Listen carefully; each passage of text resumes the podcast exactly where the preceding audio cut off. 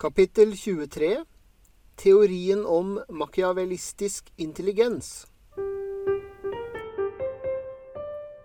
Akt 3 Draco ventet i en liten vindusalkove han hadde funnet nær storhallen, med magen i opprør. Det ville være en pris, og den ville ikke være liten. Draco hadde visst dette helt siden han våknet og innså at han ikke turte å gå inn i storhallen for å spise frokost, fordi han kanskje ville få se Harry Potter der, og Draco visste ikke hva som ville skje etterpå.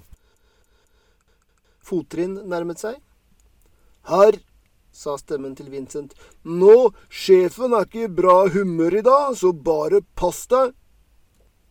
Draco kom til å flå den idioten levende og sende tilbake den flådde kroppen med en forespørsel om en mer intelligent tjener, eksempel en død bille.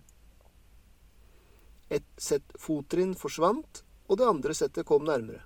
Kverningen i Dracos mage ble verre. Harry Potter kom til syne. Ansiktet var gjennomtenkt, nøytralt, men kappen med blå kant så merkelig skjev ut, som om den ikke hadde blitt tatt på skikkelig. Armen din, sa Draco helt uten å tenke seg om. Harry løftet sin venstre hånd, som for å se nærmere på den selv. Hånda dinglet løst fra armen som noe dødt. Madame Pommes frites sa det ikke er permanent, sa Harry stille. Hun sa at den burde være omtrent helt i orden før timene starter i morgen. Et kort sekund kom nyhetene som en lettelse. Og så innså Draco det. Du gikk til madame Pommes frites, hvisket Draco. Selvsagt gjorde jeg det, sa Harry Potter, som om han påpekte det åpenbare. Hånda mi virket ikke. Sakte demret det for Draco hvilken absolutt tosk han hadde vært. Mye verre enn de eldre smygardingene han hadde kjeftet opp. Han hadde bare tatt det for gitt at ingen ville gå til en høyere autoritet når en Malfang gjorde noe mot dem. At ingen ville ønske at Lucius Malfang holdt øye med dem noensinne. Men Harry Potter var ikke en redd liten håsblåsing som ville holde seg utenfor spillet. Han spilte allerede, og fars øyne var på ham allerede. Hva, hva annet sa madame Pommes frites? sa Draco med hjertet i halsen. Professor Pirvimp sa at formelen som var blitt brukt på hånda mi, hadde vært en mørk torturformel og en ekstremt alvorlig sak, og det å nekte å si hvem som gjorde det, var absolutt uakseptabelt. Det var en lang pause. Og så, sa Draco med skjelvende stemme. Harry Potter smilte lett. Jeg ga min dypeste unnskyldning, hvilket fikk professor Pirrevimp til å se meget streng ut, og så fortalte jeg professor Pirrevimp at hele greia var definitivt ekstremt alvorlige, hemmelige, delikate saker, og at jeg allerede hadde informert rektor om prosjektet. Draco gispet. Nei, Pirrevimp kommer ikke til å godta det uten videre. Han kommer til å sjekke med humlesnurr. Absolutt, sa Harry Potter. Jeg ble prompte halt av sted til rektors kontor. Draco skalv nå.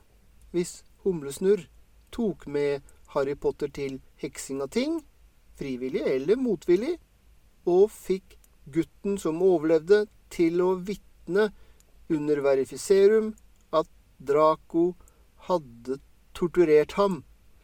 Svært mange mennesker likte Harry Potter. Far kunne tape den avstemningen.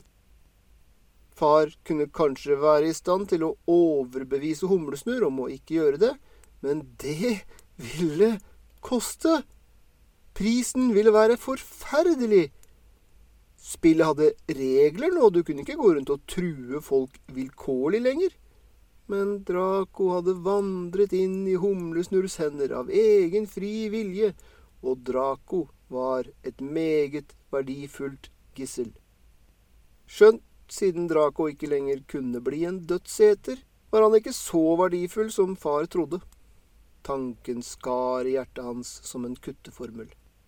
Og så, hvisket Draco. Humlesnurr deduserte øyeblikkelig at det var deg. Han visste at vi har hengt sammen. Verst tenkelige scenario. Hvis Humlesnurr ikke hadde gjettet hvem som gjorde det, så ville han kanskje ikke risikert å bruke psykomantikk bare for å finne det ut, men hvis Humlesnurr visste Og Draco tvang ordet ut. Vi snakket litt. Og Harry Potter gliste. Og jeg forklarte ham at det ville være til hans fordel om han ikke gjorde noen ting. Dracos sinn møtte en murvegg med et klask. Han stirret på Harry Potter med halvåpen munn, som en åndssvak. Så lang tid tok det før Draco husket. Harry kjente til Humlesnurrs mystiske hemmelighet, den samme Slur brukte for å få tak på ham. Draco kunne se det for seg nå, Humlesnurr med strengt blikk som skjulte sin ivrighet mens han forklarte Harry hvor forferdelig alvorlig denne saken var. Og Harry som høflig ba Humlesnurr om å holde munn hvis han visste sitt eget beste. Far hadde advart Draco mot slike mennesker, folk som kunne ruinere deg, og allikevel være så sympatiske at det var vrient å hate dem skikkelig. Og etter det, sa Harry, sa rektor til professor Pirrevim at dette faktisk var en hemmelig og delikat sak som han allerede var informert om, og at han ikke trodde at å presse gjennom ytterligere undersøkelser på nåværende tidspunkt ville hjelpe meg eller andre. Professor Pirrevimp begynte å si noe om at rektors vanlige komplotter gikk altfor langt, og, og på det tidspunktet måtte jeg avbryte og forklare at det hadde vært min egen idé og ikke noe rektor tvang meg til. Så professor Pirrevimp spant rundt og begynte å lekse opp for meg, og så måtte rektor avbryte ham og si at som gutten som overlevde, var jeg dømt til å havne opp i merkelige og farlige situasjoner, så det var tryggere at jeg oppsøkte dem med vilje, istedenfor å vente til det skjedde ved et uhell, og det var da professor Pirrevimp kastet hendene i været og startet å skrike i falsett til både rektor og meg om hvordan han ga blaffen i hva vi kokte sammen, men dette kom ikke til å hende igjen så lenge jeg var i huset Ravnklo, ellers ville han kaste meg ut, og jeg kunne dra til Griffing, hvor all denne humlesnurringen hørte hjemme. Harry gjorde det svært vanskelig for Draco å hate ham. Men uansett, sa Harry, så hadde jeg ikke noe lyst til å bli kastet ut av Ravnklo, så jeg lovet professor Pirrevimp at noe som dette ikke kom til å skje igjen. Og hvis det gjør det, så vil jeg fortelle ham hvem som gjorde det. Harrys øyne burde ha vært iskalde. Det var de ikke. Stemmen burde ha framført det som en dødelig trussel. Det gjorde den ikke. Og Draco så spørsmålet som burde ha vært åpenbart, og det drepte stemningen øyeblikk. Hvorfor gjorde du det ikke? Harry gikk bort til vinduet, til den smale strimen sollys som fant veien inn i alkoven, og vendte blikket utover mot Galtvorts grønne sletter. Lysheten skinte av ham, av kutten, av ansiktet. Hvorfor gjorde jeg det ikke? Sa Harry. Stemmen begynte å bære igjen. Jeg antar fordi jeg rett og slett ikke klarte å bli sint på deg. Jeg visste at jeg hadde gjort deg vondt først. Jeg vil faktisk ikke kalle det rettferdig engang, fordi det jeg gjorde mot deg, var verre enn det du gjorde mot meg. Det var som å kaste hjernen mot en murvegg en gang til.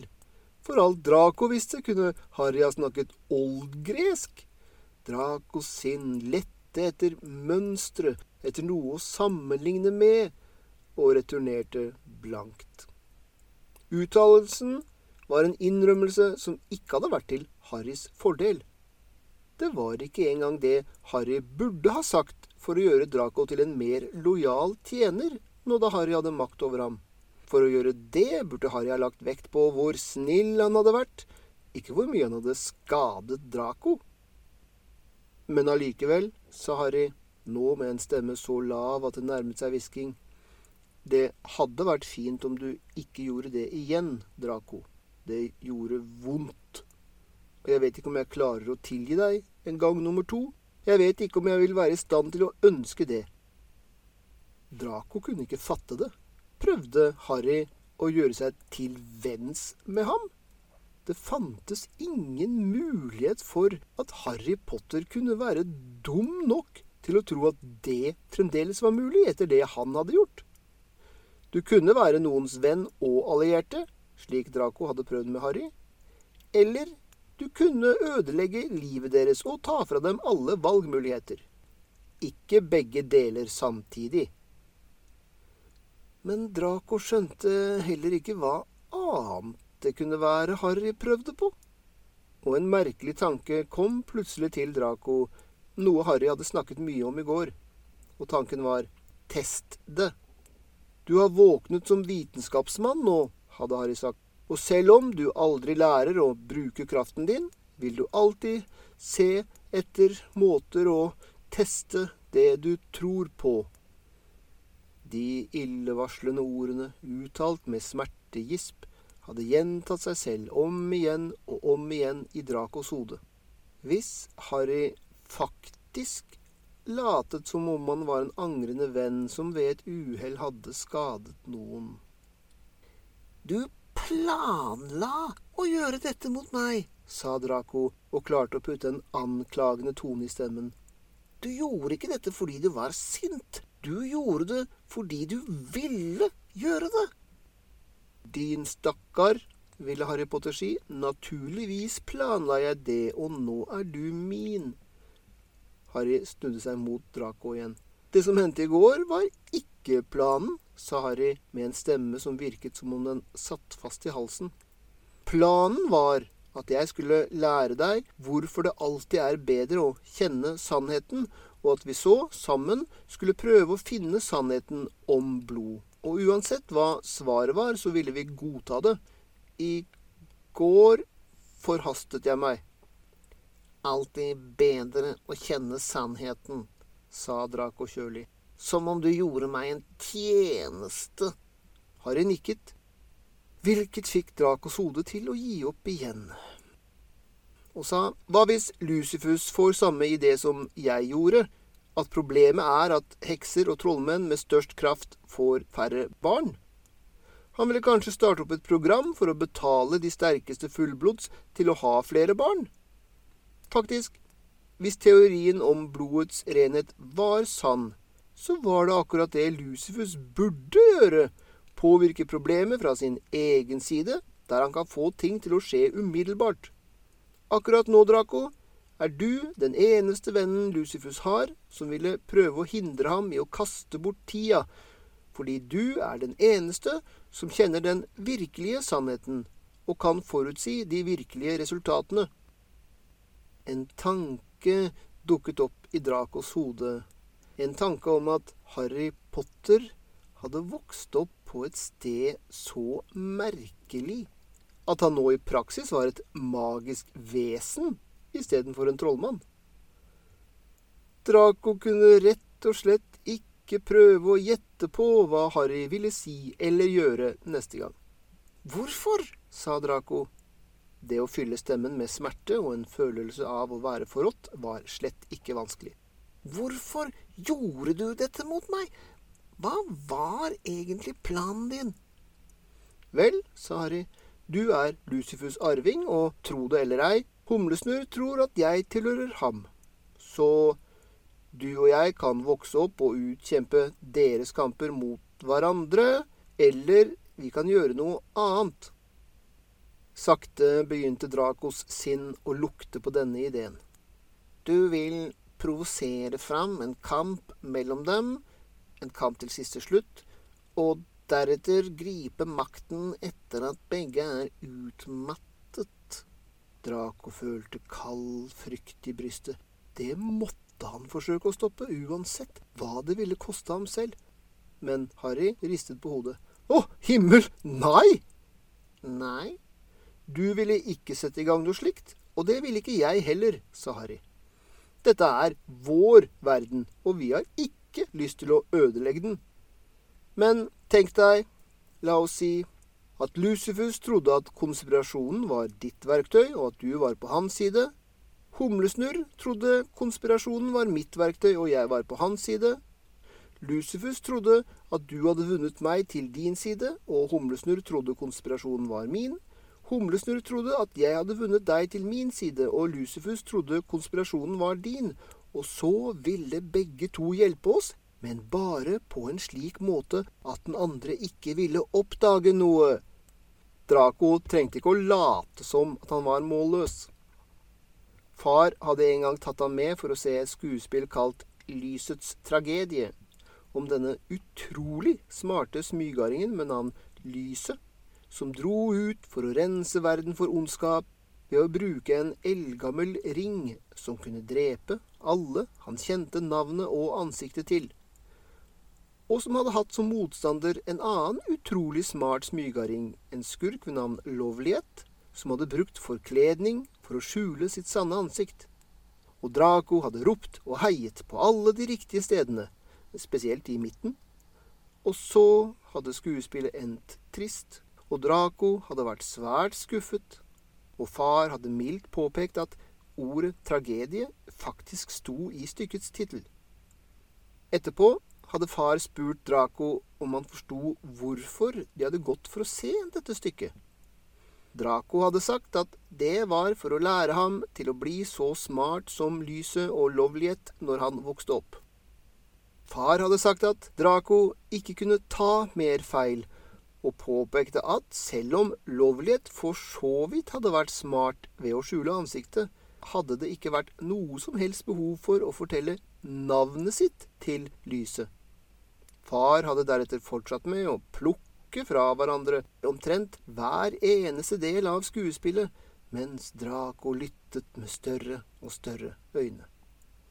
Og far hadde avsluttet med å fortelle at skuespill som dette alltid var urealistiske, fordi hvis forfatteren hadde visst hva noen som faktisk var så smarte som lyset, faktisk ville gjøre, så ville forfatteren ha prøvd å ta over verden selv istedenfor å bare skrive skuespill om det.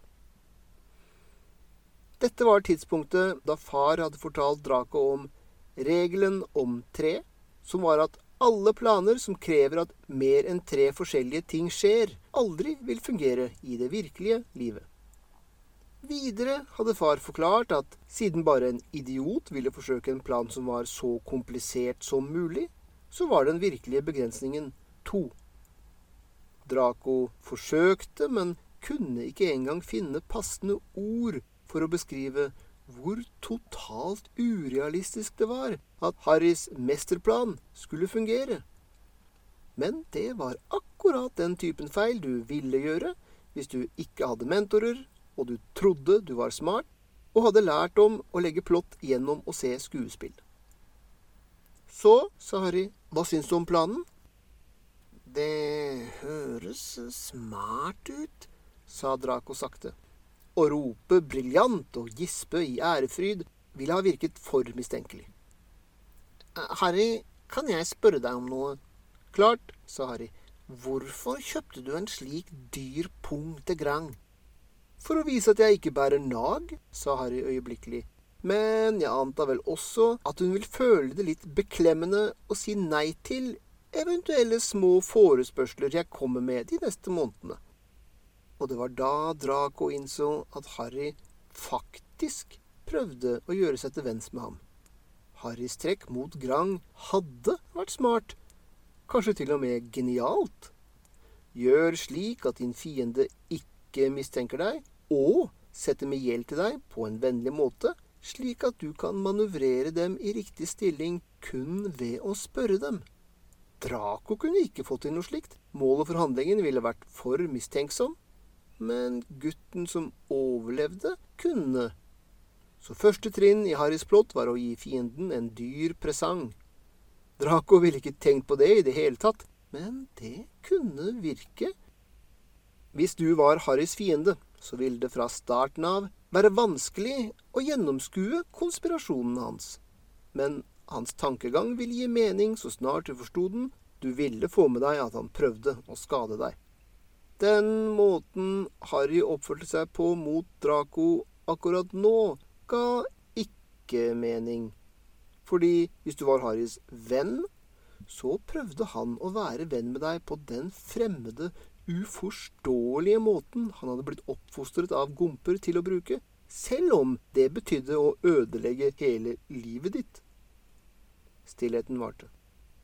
Jeg vet at jeg har misbrukt vennskapet vårt på det groveste, sa Harry til slutt. Men vær så snill å tro, Draco, at til syvende og sist ville jeg bare at du og jeg skulle finne fram til sannheten sammen. Er det noe du kan tilgi? Mm, et kryss med to stier, men der bare én sti var enkel å gå tilbake på hvis Draco endret mening. Jeg antar at jeg forstår hva du prøvde å gjøre, løy Draco, så ja. Harrys øyne lyste opp. Det er jeg glad for å høre, Draco, sa han mykt. De to elevene sto i alkoven. Harry fremdeles badet av lys i den enslige solstrålen, Draco i skyggen. Og Draco innså med et snev av frykt og fortvilelse at selv om det absolutt var en fryktelig skjebne å være Harrys venn, så hadde Harry nå så mange muligheter til å true Draco at det å være fienden hans ville til og med være verre. Sannsynligvis. Kanskje. Vel, han kunne alltids bytte om til fiende senere, og han var fortapt. Så, sa Draco, hva nå? Vi studerer igjen neste lørdag. Det bør helst ikke bli som forrige gang. Ikke bekymre deg om det, det vil de ikke, sa Harry. Noen flere lørdager som det, og du vil komme et hestehode foran meg. Harry lo. Draco lo ikke. Ah, og før det går, sa Harry og gliste fårete.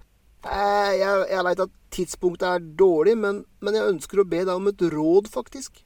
Ok, sa Draco, fremdeles distrahert av den siste uttalelsen. Harrys øyne ble målrettet. Det å kjøpe den pungen til Grang brukte opp det meste av gullet jeg klarte å stjele fra flirgodthvelvet mitt. Hva? Og McSnurp har nøkkelen til hvelvet, eller, eller Humlesnurr har den kanskje nå, og jeg er akkurat i gang med starten av et plott som kanskje krever penger, så jeg lurer på om du vet hvordan jeg kan få tilgang Jeg kan låne deg penger, sa Dracos munn i ren eksistensiell refleks. Harry virket overrasket, men på en fornøyd måte. Draco, du trenger ikke Hvor mye? Harry nevnte summen, og Draco kunne ikke helt skjule følelsen av sjokk fra å vises på ansiktet. Det var omtrent hele summen lommepenger som far hadde gitt Draco, som skulle vare hele året. Draco ville sitte igjen med bare et par gallioner. Så sparket Draco seg selv mentalt.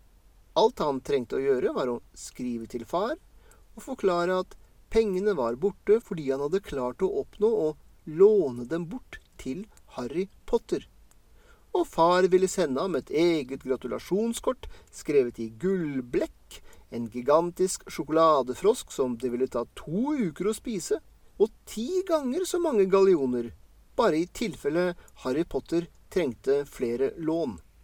Det er for mye, ikke sant? sa Ari. Beklager, jeg skulle ikke ha spurt. Unnskyld meg, eh, jeg er en malfang, vet du, sa Draco. Jeg var bare overrasket over at du ville ha så mye. Ikke bekymre deg, sa Harry smørblidt. Det er ingenting som truer din families interesser, bare litt eh, ondskap fra min side. Draco nikket. Ok, ingen problemer. Vil du ha det med en gang, eller? Gjerne, sa Harry. Idet de forlot alkoven og begynte å gå mot Smygards fangekjeller, klarte ikke Draco å la være å spørre. Så kan du fortelle meg hvem du plotter mot? Ryta Slita, Draco tenkte noen stygge ord for seg selv, men det var altfor seint å si nei.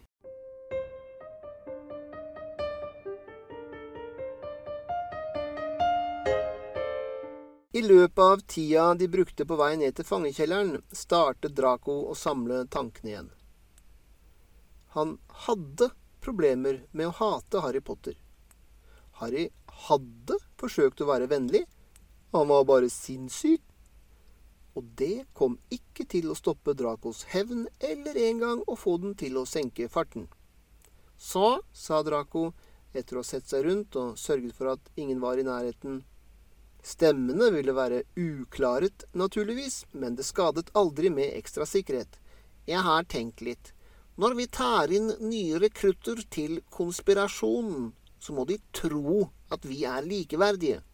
Ellers kunne én på egen hånd lekke planen til far. Du har allerede tenkt på det, naturligvis? Naturligvis, sa Harry. Vil vi være likeverdige? sa Draco. Beklager, nei, sa Harry. Det var tydelig at han forsøkte å høres vennlig ut, og også tydelig at han prøvde å undertrykke en god del nedlatelse og ikke helt fikk det til. Beklager, Draco, men du vet ikke engang hva ordet bayesiansk i bayesiansk konspirasjon betyr foreløpig.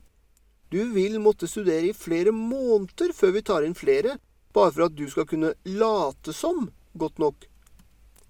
Fordi jeg ikke kan vitenskap, sa Draco mens han var påpasselig med å holde en nøytral tone. Harry ristet på hodet til dette. Problemet er ikke at du ikke kjenner til spesifikke vitenskapelige ting, som deoxyribonukleinsyre. Det vil ikke forhindre deg fra å være min likeverdige. Problemet er at du ikke er trent opp i rasjonell metode, den dypere, hemmelige kunnskapen bak hvordan alle disse oppdagelsene ble gjort i utgangspunktet. Jeg vil forsøke å lære dem bort til deg, men de er mye vanskeligere å lære.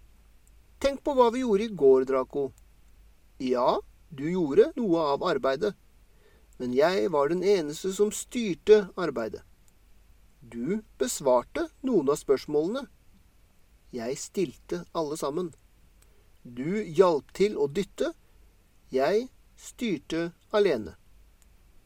Og uten rasjonell metode, Draco, så er det umulig for deg å styre konspirasjonen dit den må. Jeg skjønner, sa Draco med en stemme som hørtes skuffet ut.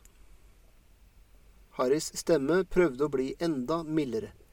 Jeg skal forsøke å respektere din ekspertise, Draco, på slike ting som menneskegreier, men du er nødt til å respektere min ekspertise også, og det er rett og slett ikke mulig at du kan være min likeverdige når det kommer til det å styre konspirasjonen. Du har bare vært vitenskapsmann i én dag. Du kjenner til én hemmelighet om deoxyribonukleinsyre, og du er ikke trent opp i noen av metodene for rasjonalitet. Jeg forstår, sa Draco. Og det gjorde han. Menneskegreier, hadde Harry sagt. Det å gripe kontrollen over konspirasjonen ville sannsynligvis ikke engang være vanskelig, og etterpå ville han drepe Harry Potter, bare for å være på den sikre siden. Hukommelsen hans frambrakte minnet om hvor dårlig Draco hadde følt seg i går kveld da han visste at Harry skrek i smerte. Draco tenkte ytterligere noen stygge ord. Greit, han ville ikke drepe Harry. Harry var oppvokst blant gomper. Det var ikke hans feil at han var sinnssyk. Istedenfor ville Harry få fortsette å leve, bare slik at Draco kunne fortelle ham at alt sammen hadde vært til Harrys eget beste. Han burde virkelig være takknemlig. Og med en plutselig gnist av overrasket glede innså Draco at det faktisk var til Harrys eget beste. Hvis Harry prøvde å gjennomføre planen, om å gjøre Humlesnurr og far til idioter ved å spille dem ut mot hverandre, ville han dø. Det gjorde det perfekt. Draco ville ta alle Harrys drømmer fra ham, akkurat slik Harry hadde gjort mot ham. Draco ville fortelle Harry at det hadde vært til hans eget beste, og det ville absolutt være sant. Draco ville gripe konspirasjonen og kraften i vitenskap for å rense trollmannsverdenen, og far ville være like stolt av ham som om han hadde vært en dødseter. Harry Potters onde plott ville feile, og rettskaffenhetens krefter ville seire. Den perfekte hevn. Hvis ikke Bare lat som om du later som om du er en vitenskapsmann, hadde Harry fortalt ham.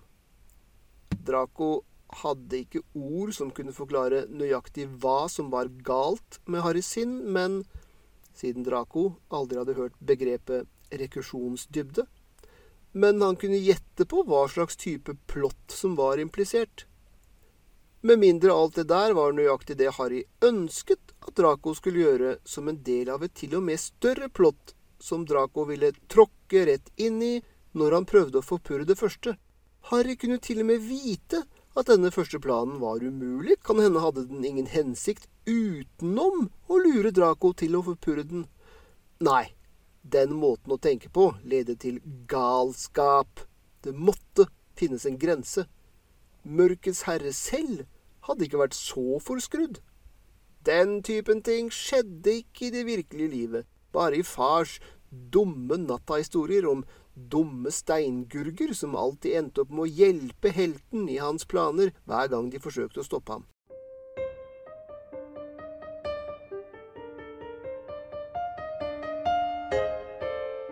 Og ved siden av Draco gikk Harry med et smil på ansiktet og tenkte på den utviklingsmessige begynnelsen på menneskelig intelligens. I starten, før folk helt hadde forstått hvordan evolusjon fungerte, gikk de rundt og tenkte ville ideer som menneskelig intelligens utviklet seg så vi kunne finne opp bedre redskaper. Grunnen til at dette var vilt, var at bare én person i stammen trengte å finne opp et verktøy. Og så ville alle andre bruke det, og det ville spre seg til andre stammer, og fremdeles bli brukt av deres etterkommere 100 år senere. Det var stort nok fra et perspektiv om vitenskapelig framskritt. Men ut fra evolusjonsmessige termer betydde det at personen som fant opp noe, ikke ville ha noen særlig fordel av å være bedre tilpasset ville ikke ha spesielt flere barn enn noen andre. Bare relativ fordel i tilpasning kunne øke den relative frekvensen til et gen i populasjonen og dytte en enslig mutasjon fram til det punktet der det ble universelt og alle hadde det. Og geniale oppfinnelser var rett og slett ikke vanlige nok til å gi den typen konsistent utvalgspress som var nødvendig for å promotere en mutasjon. Det var en naturlig ting å gjette hvis du tok et blikk på mennesker med sine våpen og stridsvogner og atomkraft, og sammenlignet dem med sjimpanser, at intelligensen var til stede for å lage teknologien. En naturlig ting å gjette, men feil. Før folk helt hadde forstått hvordan evolusjon fungerte, så hadde de gått rundt og tenkt ville ideer slik som klimaet endret seg, og stammer måtte migrere, og mennesket måtte bli smartere for å løse alle de nye problemene. Men mennesket hadde en hjerne som var fire ganger størrelsen til en sjimpanses. 20% av et menneskes metabole energi gikk til å holde hjernen i gang. Mennesker var latterlig mye smartere enn alle andre arter. Den typen ting ville ikke skje fordi omgivelsene økte vanskelighetsgraden litt. Da ville organismene bare bli litt smartere for å løse problemene. Det å ende opp med en slik gigantisk stor hjerne ville ha krevd en form for løpsk evolusjonsprosess, noe som ville dytte og dytte uten grenser. Og dagens vitenskapsmenn hadde en ganske god teori om hva den løpske evolusjonsprosessen hadde vært. Harry hadde en gang lest en berømt bok kalt Chimpanzee Politics. Boka hadde beskrevet hvordan en voksen sjimpanse ved navn Luit hadde konfrontert den aldrende alfahannen Jeroen ved hjelp av en ung, nylig kjønnsmoden sjimpanse ved navn Nikki. Nikki hadde ikke tatt direkte del i kampen mellom Louis og Jeroen, men hadde forhindret Jeroens andre støttespillere i stammen fra å komme til hjelp ved å distrahere dem hver gang en konfrontasjon utviklet seg mellom Louis og Jeroen. Og med tida hadde Louis vunnet og blitt den nye alfahannen, med Nikki som den nest mektigste. Skjønt etter det hadde det ikke tatt veldig lang tid for Nikki å danne en allianse med den avsatte Jeroen, gjøre et kupp mot Luit og bli den nye, nye alfahannen. Det fikk deg virkelig til å sette pris på hva millioner av år med menneskelignende arter som prøvde å være smartere enn andre av sin egen type et evolusjonært våpenkappløp uten grenser hadde ført til når det gjaldt økt mentalt kapasitet. Fordi, ikke sant, et menneske vil jo så totalt sett den der komme.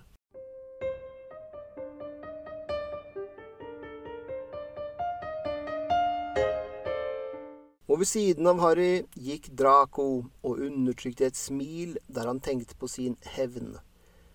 En vakker dag Kanskje det ville bli om noen år, men den dagen ville komme der Harry Potter ville lære akkurat hva det betydde å undervurdere en malfang. Draco hadde våknet som vitenskapsmann på én en enkelt dag. Harry hadde sagt at det var ikke meningen at det skulle skje på flere måneder. Men naturligvis, hvis du var en malfang, kom du til å bli en mektigere vitenskapsmann enn alle som ikke var det. Så Draco ville lære alle Harry Potters rasjonelle metoder.